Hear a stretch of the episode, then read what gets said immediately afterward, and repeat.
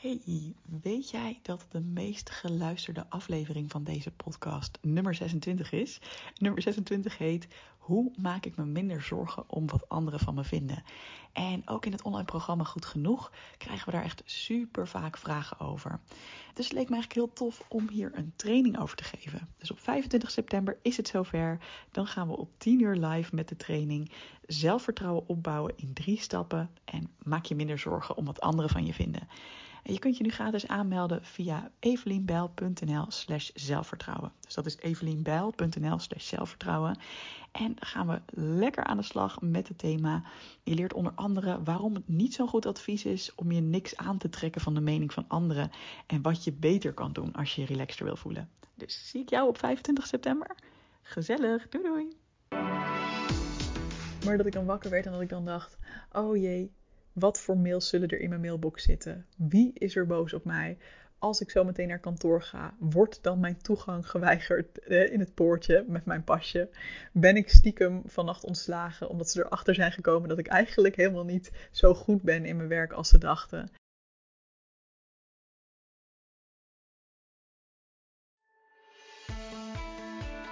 Welkom bij de Perfectionisme Podcast. Mijn naam is Evelien Bijl en als ex-perfectionist help ik je graag op weg naar een relaxter en gelukkiger leven door minder streng voor jezelf te zijn. Mijn motto voor jou als je vaak gestrest of onzeker bent: hey, je bent niet gek en je bent niet alleen. Veel luisterplezier.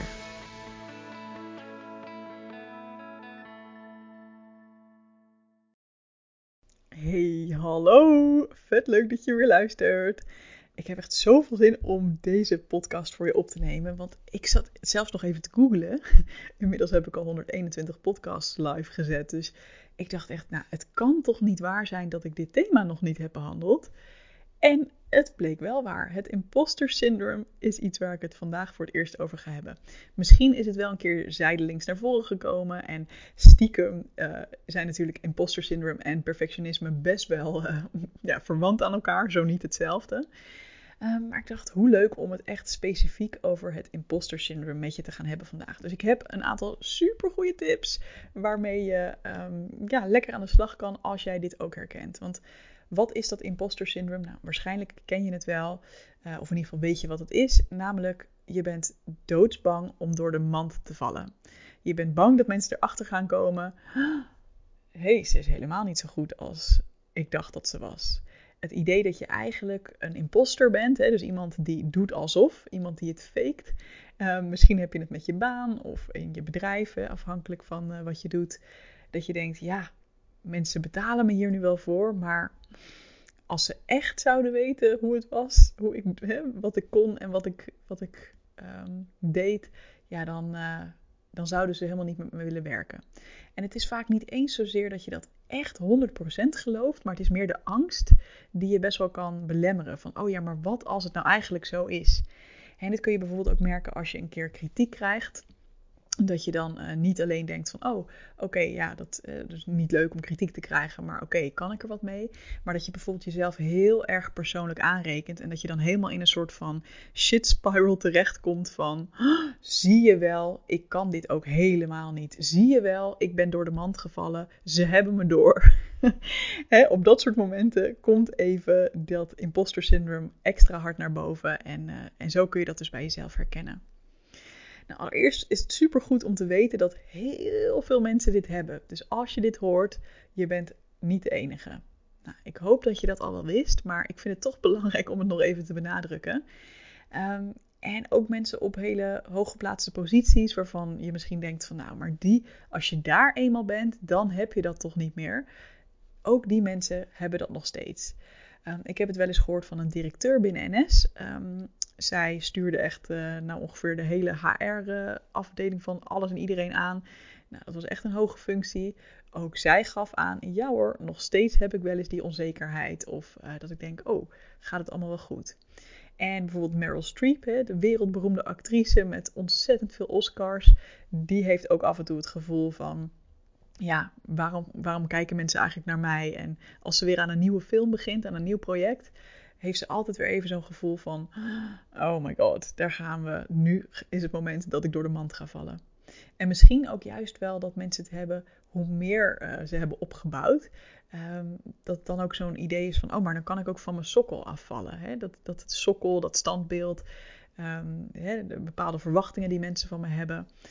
Um, ja, dat, dat kan ook heel erg belemmerend voelen, omdat je denkt, ja, nou moet ik het wel blijven waarmaken. Michelle Obama is ook een goede ervan. Die gaf ook een keer een speech waarin ze dat aangaf. Um, hè, dat ze zei van ja, jullie zitten allemaal naar mij te luisteren. En dan denk ik ergens, waarom? Wat heb ik eigenlijk te vertellen? Uh, en ik herken dit zelf ook heel erg. Um, zeker toen ik net begon met werken.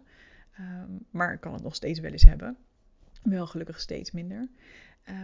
en ik had zeker in het begin van mijn carrière heel vaak de angst van uh, als ik dan wakker werd, dat heb ik vaker verteld hoor, dus excuus als je denkt, ja, daar gaat ze weer met de verhalen. Um, maar dat ik dan wakker werd en dat ik dan dacht, oh jee, wat voor mails zullen er in mijn mailbox zitten? Wie is er boos op mij? Als ik zo meteen naar kantoor ga, wordt dan mijn toegang geweigerd eh, in het poortje met mijn pasje? Ben ik stiekem vannacht ontslagen omdat ze erachter zijn gekomen dat ik eigenlijk helemaal niet zo goed ben in mijn werk als ze dachten?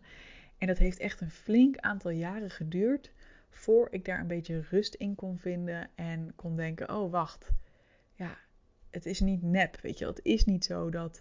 Ehm, ja, dat er. Ik had een soort van verwachting in mijn hoofd. En hè, ik, ik doe mijn hand nu op een bepaald level. Zo van: dit is wat mensen verwachten. In mijn sollicitatie heb ik dat misschien kunnen overbrengen, dat ik dat ook kan. Maar in werkelijkheid lever ik veel minder of ben ik veel minder goed dan dat. Uh, en dat probeerde ik altijd een beetje te maskeren. Zo van, oh, ik hoop niet dat ze erachter komen dat ik dat eigenlijk helemaal niet kan. En bij elke fout die ik maakte en elk puntje van kritiek dat ik kreeg, dacht ik, oh god, zie je wel, ja, dit doe ik dus ook wel niet goed. Dus ja, ik voldoe totaal niet aan, uh, aan het beeld. En maar vrolijk blijven glimlachen, want dat deed ik wel. Vrolijk blijven glimlachen. Dankjewel voor de feedback. Ja, oh ja, heel goed punt. Maar ondertussen nam ik mezelf ontzettend kwalijk en dacht ik: hoe kan ik voorkomen dat ik ooit nog zo'n domme fout maak? Want als ik op dit niveau wil blijven werken en niet uh, bij een of ander verkoopbaantje in een supermarkt wil, dan zal ik echt veel beter moeten gaan presteren. Kom op, Evelien, opletten nu. Nou, misschien herken je daar wel iets van. En voordat ik de tips induik, nog even deze side note. Ik kreeg een artikel ook doorgestuurd van uh, een oud collega van mij. Die, uh, waar, ja, waar het ook ging over dat heel veel vrouwen last hebben van imposter syndrome en perfectionisme. Hè? De angst om niet goed genoeg te zijn. En dat dat ook misschien niet zo gek is in een maatschappij waarin toch nog heel veel mannen met name de macht hebben. En ik weet dat dat klinkt er als een heel irritant feministisch praatje. En als jij er zelf niet zo mee bezig bent, denk je, ja, kom op, uh, valt toch wel mee. Maar alleen al even om aan te geven um, hoe wijdverbreid dit is zonder dat we dit doorhebben. Er is laatst een onderzoek gedaan naar, uh, volgens mij wordt dat elk jaar gedaan of elke twee jaar, naar hoeveel vrouwen er in de media verschijnen. Dus denk aan tijdschrift, artikelen, krant, uh, publicaties, uh, mensen op tv, mensen op de radio, etc. En in al die media was maar ongeveer 25% van iedereen die er voorbij kwam vrouw. Ja, dat is gewoon gek.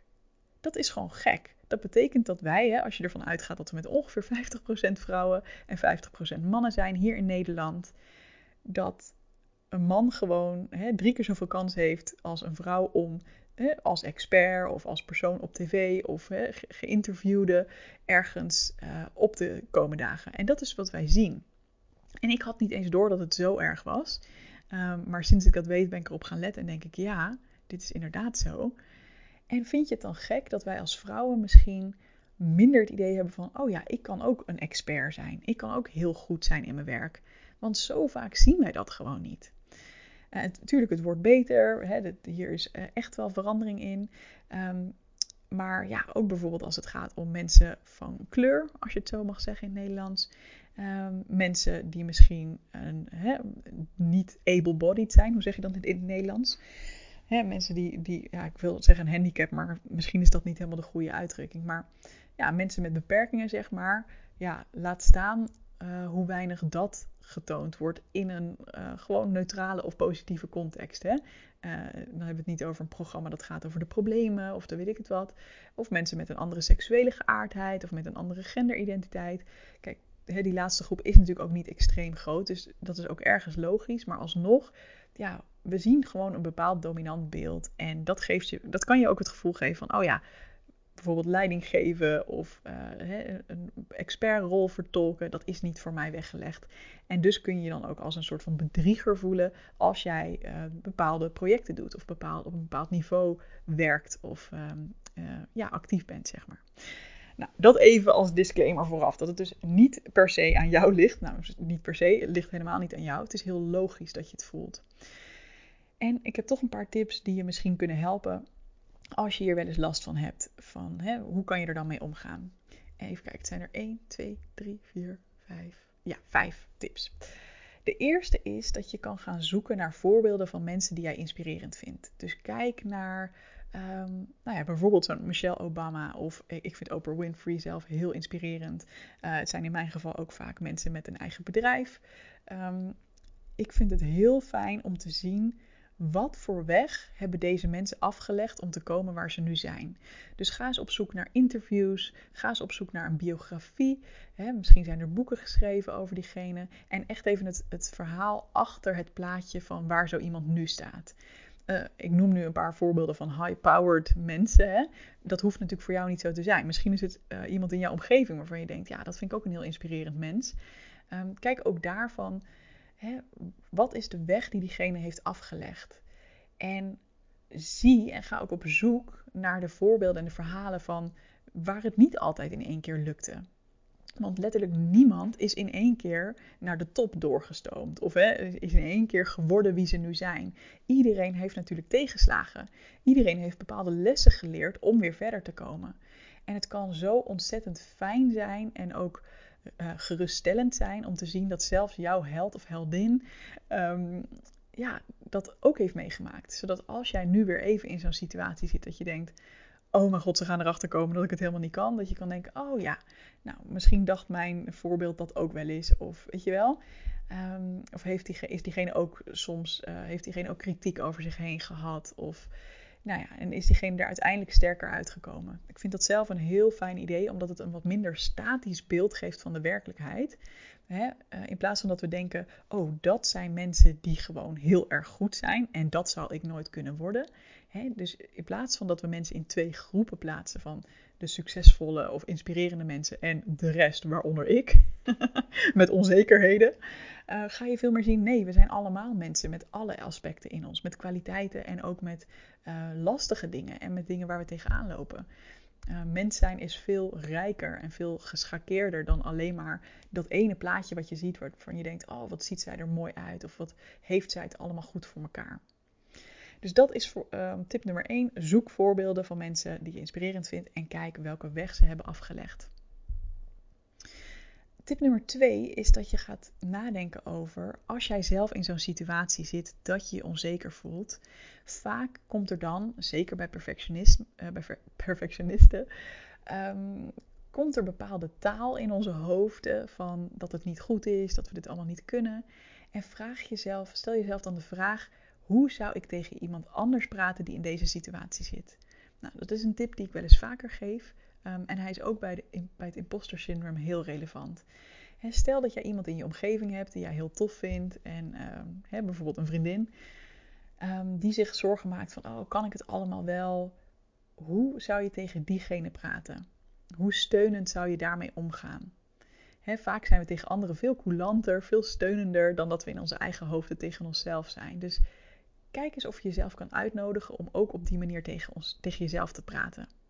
Dus dat was de tweede tip. Praat tegen jezelf zoals je ook tegen een goede vriendin zou praten wanneer je bang bent dat je niet goed genoeg bent. De derde stem gaat over je kritische rechter of je kritische stem in je hoofd. En ja, dat is ook iets waar we het in goed genoeg uitgebreid over hebben. Het online programma voor perfectionisten die relaxter en gelukkiger willen worden. Uh, nou, daar hebben we ook hele mooie oefeningen voor. Dus als je al meedoet aan goed genoeg, dan weet je dat je dat in module, module 3 uitgebreid kunt gaan vinden. En ja, hiervoor in de podcast wil ik alvast meegeven dat je sowieso kunt gaan uitdagen wat die kritische stem tegen jou zegt. Want is het wel echt waar? vaak op zo'n moment dat we denken: oh nee, ik ga door de mand vallen. Dan komen er ook allerlei doemgedachten en doemscenario's in ons hoofd op. Zie je wel, ik heb nu dit te horen gekregen. Uh, dat betekent dus dat ik er helemaal niks van kan. Hè, vaak overdrijft die stem ook heel erg en, en maakt hij er een enorm opgeblazen scenario van. En wat ik zelf ook heb gemerkt is dat, kijk, het is prima om naar jezelf te kijken van, hé, hey, wat kan ik leren, wat kan ik beter doen? Tuurlijk, daar is niks mis mee. Maar dat kan op een hele relaxte manier. En wanneer ik dat ook doe op een relaxte manier, dan merk ik ook dat ik veel beter contact kan maken met anderen. Dat ik beter, ehm, ja, beter werk kan afleveren. Ik ben dan meer gefocust. Dan wanneer ik alleen maar nadenk over, oh doe ik het wel goed? Zie je wel, het is niet oké. Dus kijk echt even, kun je die kritische stem gaan uitdagen? En nogmaals, als je daar hulp bij nodig hebt, dan staan we heel graag voor je klaar binnen goed genoeg. Als je merkt van ja, maar dit is wat er bij mij steeds gebeurt. Ik blijf maar vervallen in die zelfkritiek. Ehm, ja, daar, eh, daar helpen we je gewoon heel graag mee verder. Want het is ook niet iets wat van de een op de andere dag altijd ehm, ja, zal, zal veranderen. Dat is echt even een gedragsverandering die tijd en aandacht nodig heeft. Nou, dan de vierde tip. En de vierde tip is dat je naast die kritische stem ook een andere stem hebt. En dat is de stem van je innerlijke mentor. Nou, dit is iets wat ik heb leren kennen door het boek Playing Big van Tara Moore. Als je naar doelgerichtecoaching.nl slash boekentips gaat, dan zie je daar ook een linkje naar, uh, naar dat boek. Um, dus doelgerichtecoaching.nl slash boekentips. Um, en dankzij dat boek kwam ik er voor het eerst achter van, oh, oh, ik dacht gewoon dat die kritische stem, dat dat mijn eigen stem was. En verder hoorde ik eigenlijk niet zoveel in mijn hoofd. Ik was vooral altijd heel kritisch. En daar werd ik, af en toe wel heel moe van, maar ik wist eigenlijk niet dat er ook iets anders kon. Uh, maar er is dus in iedereen ook een stem, hoe zacht die nu ook nog is, van je innerlijke mentor. En wat is dat nou voor stem? Dat is eigenlijk de stem van jouw zelfcompassie. Dus uh, die stem die praat vanuit liefde voor jezelf, vanuit zelfsteun. En die geeft je een beetje richting van wat eigenlijk echt belangrijk voor jou is. Nou, en toen ik voor het eerst hierover las en hoorde, dacht ik echt een beetje van, nou, dit is wel zweverig hoor. Ik, ik weet niet of dat echt, echt bestaat. Ik weet niet of ik dat ook heb. Maar nou ja, ik sta wel altijd ervoor open om dingen te proberen. Dus ik heb toen ook een meditatie gedaan waarin je die innerlijke uh, mentor ging ontmoeten. En dat was zo'n mooie ontmoeting en zo liefdevol. Um, ja, ik zag een, zeg maar, een oudere versie van mezelf over 20 jaar. En ja, dat was gewoon een heel rustig en warm en liefdevol persoon. Die me ook heel erg meegaf van, joh Evelien, het komt allemaal wel goed. Maak je maar niet zoveel zorgen om alles, om alle kleine dingen. En dat vond ik zo fijn. Um, maar in het begin dacht ik nog wel van, ja, dat is leuk. Maar ondertussen is die kritische rechter ook wel heel actief. Um, maar goed om te weten is dus dat je die stem steeds meer kan gaan voeden waardoor je hem ook steeds meer um, kan gaan uh, horen. Dus in het begin is het misschien nog een heel zacht stemmetje dat je bijna nooit hoort boven het geschreeuw van je kritische rechter uit. Maar hoe vaker je daar even contact mee maakt, hoe vaker je daar even bij intuned uh, en, en naar luistert en die kant van jezelf aanzet, hoe makkelijker dat gaat en hoe vaker je ook die stem uit, ja, spontaan zal gaan horen. En dat is echt super fijn op zo'n moment dat je zo'n imposter syndrome moment hebt. Dat je dan echt bewust kan kiezen voor, oh ja, wacht, ik schiet nu weer even in die overdreven zelfkritiek en de angsten. Hé, hey, waar is de stem van mijn innerlijke vertrouwen? En uh, ook goed om te weten, in het begin voelt het misschien een beetje alsof je gewoon, ja, alsof het nep is. Dat je denkt, ja, ik wil dit wel geloven, maar uh, weet je wel, is het, niet gewoon, is het niet gewoon wat ik wil horen? En zo voelt het in het begin ook. In het begin voelt het niet als echt, want je bent het niet gewend om hierbij stil te staan. Dus gun jezelf ook de tijd om het eerst ongemakkelijk te vinden en het toch te blijven doen en toch te blijven opzoeken. En uiteindelijk zul je merken dat het makkelijker en makkelijker gaat en dat die innerlijke mentor zelfs jouw leidende stem kan worden. En dat vind ik zo tof dat inmiddels kan ik echt zeggen, ja, ik zit echt 95% van de tijd hoor ik die innerlijke mentor van heel veel vertrouwen, heel veel rust. Af en toe komt die kritische rechter nog even om de hoek. Ehm, en die heeft soms ook zo even zijn nut. Maar dan kan ik ook weer denken: oh ja, ja, logisch. Dit was weer bijvoorbeeld een spannende situatie of iets nieuws. Ehm, maar hé, hey, ik ga weer even terug naar dat vertrouwen. En misschien gebruik ik nu de kritische rechter om te kijken: oh ja, wat wil die mij vertellen? En wat zijn belangrijke thema's? Maar ik laat me niet meer helemaal overwelmen door het gevoel van: zie je wel, ik ben niet goed genoeg, laat ook maar, uh, het komt nooit goed met mij. Ik, ik, de, degene die zeg maar achter het stuur zit, dat ben ik zelf. Met mijn innerlijke mentor als mijn coach on the side. Uh, in plaats van dat al mijn angsten me tegenhouden. Nou, ook voor die innerlijke mentor hebben wij een aantal hele mooie oefeningen binnen goed genoeg. Dus uh, ook daarvoor ben je van harte welkom. Uh, je kunt dus ook het boek van Tara Moore kopen. Um, Playing Big heet het. Daar gaat het ook over. En daar vind je ook zo'n meditatie. Dus um, die kun je dus via mijn site bij de boekentips vinden. Dat waren al vier tips en ik heb dus nog één tip voor je. En dat is misschien wel de, de meest overkoepelende en misschien wel de meest belangrijke. En dat is tip nummer 5. Accepteer dat jij bent hoe je bent. En als voorbeeld hierbij uh, geef ik vaak dat ik zelf best wel ongeduldig ben. Um, en toen ik een management traineeship uh, deed, had ik heel erg het gevoel van, oh ja, dat kreeg ik dan terug ook als feedback. Hè?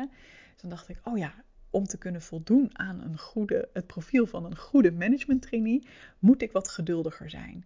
Alleen ik sloeg daar dan best wel in door. Dus dan ging ik dat extreem proberen toe te passen. Dus ik ging helemaal goed luisteren en de tijd nemen voor anderen. En um, ja, op een gegeven moment kreeg ik ook juist weer terug van, ja, ik weet het niet. Het voelt iets gek aan, aan hoe dit nu gaat. En toen dacht ik echt, ja, hallo. Dan krijg ik het ene terug, dan probeer ik het andere en dan is het nog niet goed. Nou, uh, imposter syndrome, uh, hallo, ik kan dit blijkbaar dus gewoon niet, laat maar. Maar op een gegeven moment ben ik gaan inzien van nee, ik deed mezelf eigenlijk geweld aan omdat ik iets probeerde te zijn wat ik niet was. En er is niks mis met experimenteren met nieuw gedrag en dat uitproberen. Maar um, ja, het klopt niet wanneer je echt lijn, het lijnrecht tegenovergestelde probeert te zijn van wat je nu bent.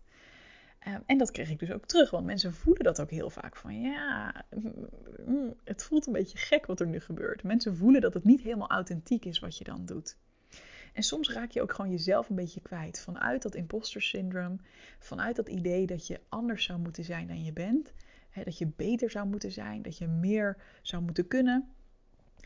Kun je gewoon jezelf een beetje kwijtraken. En dat je bijna denkt van ja, enerzijds ben ik heel goed in resultaatgericht zijn. Maar anderzijds ben ik ook wel, lukt het me ook heel goed om geduldig, geduldig te zijn. Wat ben ik nou eigenlijk echt?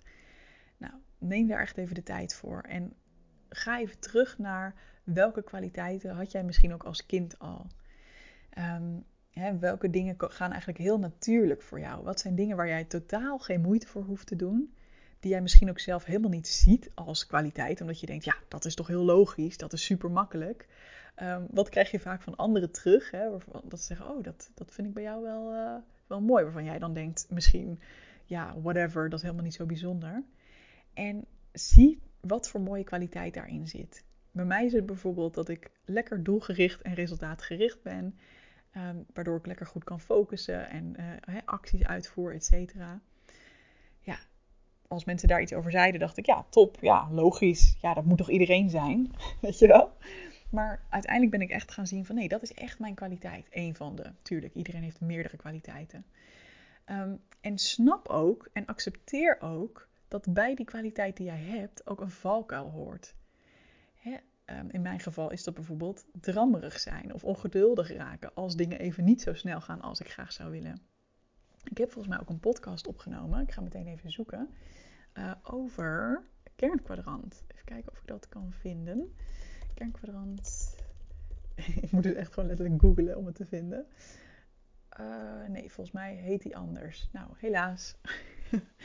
het wordt gewoon even al mijn podcasts luisteren en dan kom je er vanzelf achter welke het is. Volgens mij zat die ergens rondom um, de lancering van mijn werkwebinar. Dus dat zal dan ergens in februari, maart of zo zijn geweest. Nou ja, van 2021. Kijk maar of je iets kan vinden. Het ging volgens mij over dat ik bepaalde dingen terug aan het kijken was van uh, oude dagboeken aan het lezen was. En dat ik daar ook in terugvond uh, dat ik een kernkwadrant had ingevuld. En daar zaten ook deze eigenschappen in. Een kernkwadrant is eigenlijk gewoon een oefening om dingetjes um, ja, helder te maken. Misschien was het trouwens na de lancering, dat zou ook nog kunnen. Dus dan is het na maart. Anyway, even terug naar het punt. Um, in plaats van dat je dus probeert uh, die valkuil volledig uit te bannen en een perfect mens te worden wat geen enkele uh, nare eigenschap heeft, is het eigenlijk veel beter en veel effectiever om heel goed te weten hoe je in elkaar zit en daar ook over te kunnen vertellen aan anderen. Dus in mijn geval merkte ik, in plaats van dat ik dan maar eindeloos geduldig moest zijn, hielp het veel meer om gewoon uh, al van tevoren bij nieuwe mensen te zeggen, bij nieuwe mensen die ik leerde kennen, of uh, als ik merkte dat ik een beetje ongeduldig werd, dat ik het dan even benoemde. Dat ik zei: Oké, good to know ik ben soms een beetje ongeduldig en drammerig. Uh, dat komt omdat ik het gewoon heel belangrijk vind dat we hier concrete acties uithalen. En ja, ik word gewoon ongeduldig als dat niet snel genoeg gaat. Dus laat het me ook zeker weten als, uh, als je het idee hebt dat ik te snel aan je punt voorbij ga. Want ik weet dat dat mijn valkuil is. En daar kreeg ik zulke goede reacties op. In plaats van dat mensen zeiden van nou, uh, als je dat van jezelf weet, dan, dan kun je het toch ook wel even niet doen. Nee, mensen vonden dat heel fijn en die, die voelden daardoor ook de ruimte van, nou, nu gaan we misschien wel een klein beetje snel. Dus nu zou ik het wel fijn vinden om nog heel even hierop in te zoomen. Nou, tuurlijk. En in dat geval kon ik prima even mijn ongeduld aan de kant zetten. Want dan was het heel duidelijk waarom het nodig was voor iemand om uh, ergens meer tijd voor te nemen. En dan vond ik dat prima, want dan was dat het resultaat waar we voor, de, voor gingen. Uh, maar de rest van de tijd vonden mensen het heel vaak prima. En zeiden mensen ook, oh, ik vind het eigenlijk wel lekker, want we krijgen nu veel meer gedaan in een korte tijd. En jij stuurt ons lekker bij, jij houdt ons bij de les. Als we in een vergadering te lang uitweiden over allerlei dingen die niet per se um, tot een actie of een inzicht leiden. Dus ik ben echt van uh, datgene wat ik lastig vind en waar ook wel een valkuil ligt, ben ik echt mijn, uh, mijn handelsmerk gaan maken. En weet je, daarom is het gewoon heel goed om te beseffen: je hoeft dus niet 180 graden te veranderen. Want jij bent uiteindelijk het meest effectief wanneer je echt vanuit je kracht werkt, in plaats van vanuit het idee dat je alles zou moeten kunnen. want ik weet namelijk dat het imposter syndroom ook wel eens kan opkomen wanneer je denkt: oh, bijvoorbeeld dat je iemand anders ziet die ergens heel goed in is, wat jij wel moeilijk vindt, dat je dan een gevoel kan bekruipen van: oh, maar dat doe ik niet en dat doet zij wel. Oh, ja, als ik echt goed wil zijn, moet ik dat ook nog kunnen. Nee. Ga kijken naar hetgene wat er anders is tussen jullie. En wat zegt dat over jouw unieke talent? En hoe zou je dat nog veel meer kunnen inzetten? Want hoe vet ook als je in een team mensen hebt die verschillende eigenschappen hebben, waardoor je de ene keer gebruik kan maken van bijvoorbeeld mijn actiegerichtheid en mijn uh, concreetheid. Van huppatee, we maken er lekker een concrete actie van. En dat we de andere keer een teamlid hebben uh, dat zegt van hé, hey, ik voel nu even dat er wat meer speelt. Volgens mij moeten we hier nog even wat, wat goed, hè, goed met elkaar over hebben, want ik mis nu de harmonie een beetje. En ik heb het idee dat nog niet iedereen helemaal heeft kunnen zeggen wat diegene voelt of bedoelt. Dat is ook heel waardevol. dus als ik dat zie in iemand anders, kan ik dat waarderen en denken: yes, wat een goed punt. In plaats van dat ik denk: oh shit, ik ben een slechte collega of baas of wat dan ook, omdat ik dat niet uit mezelf heb gezien. Nee, maak gebruik van elkaars kwaliteiten en zie dus ook wat jij hebt toe te voegen aan een bepaalde werksituatie. Alright, dat waren dus de vijf tips om om te gaan met het imposter syndroom. Laat even weten of er een tip tussen zit waarvan je denkt: hey, die vind ik wel leuk, daar wil ik wel eens mee gaan oefenen.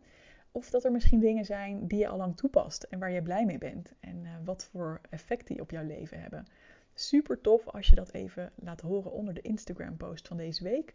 Mag ook op Facebook of LinkedIn, maar ik ben zelf het meest actief op Instagram meestal. Dus daar uh, zie ik hem vaak zelf.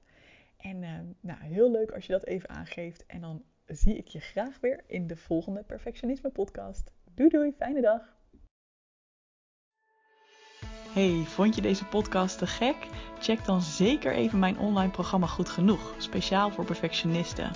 Want heel eerlijk, in je eentje kun je ook een heel eind komen met het loslaten van je perfectionisme. Maar als je meedoet aan dit programma, heb je alle tools in handen om veel sneller deze ontwikkeling door te maken.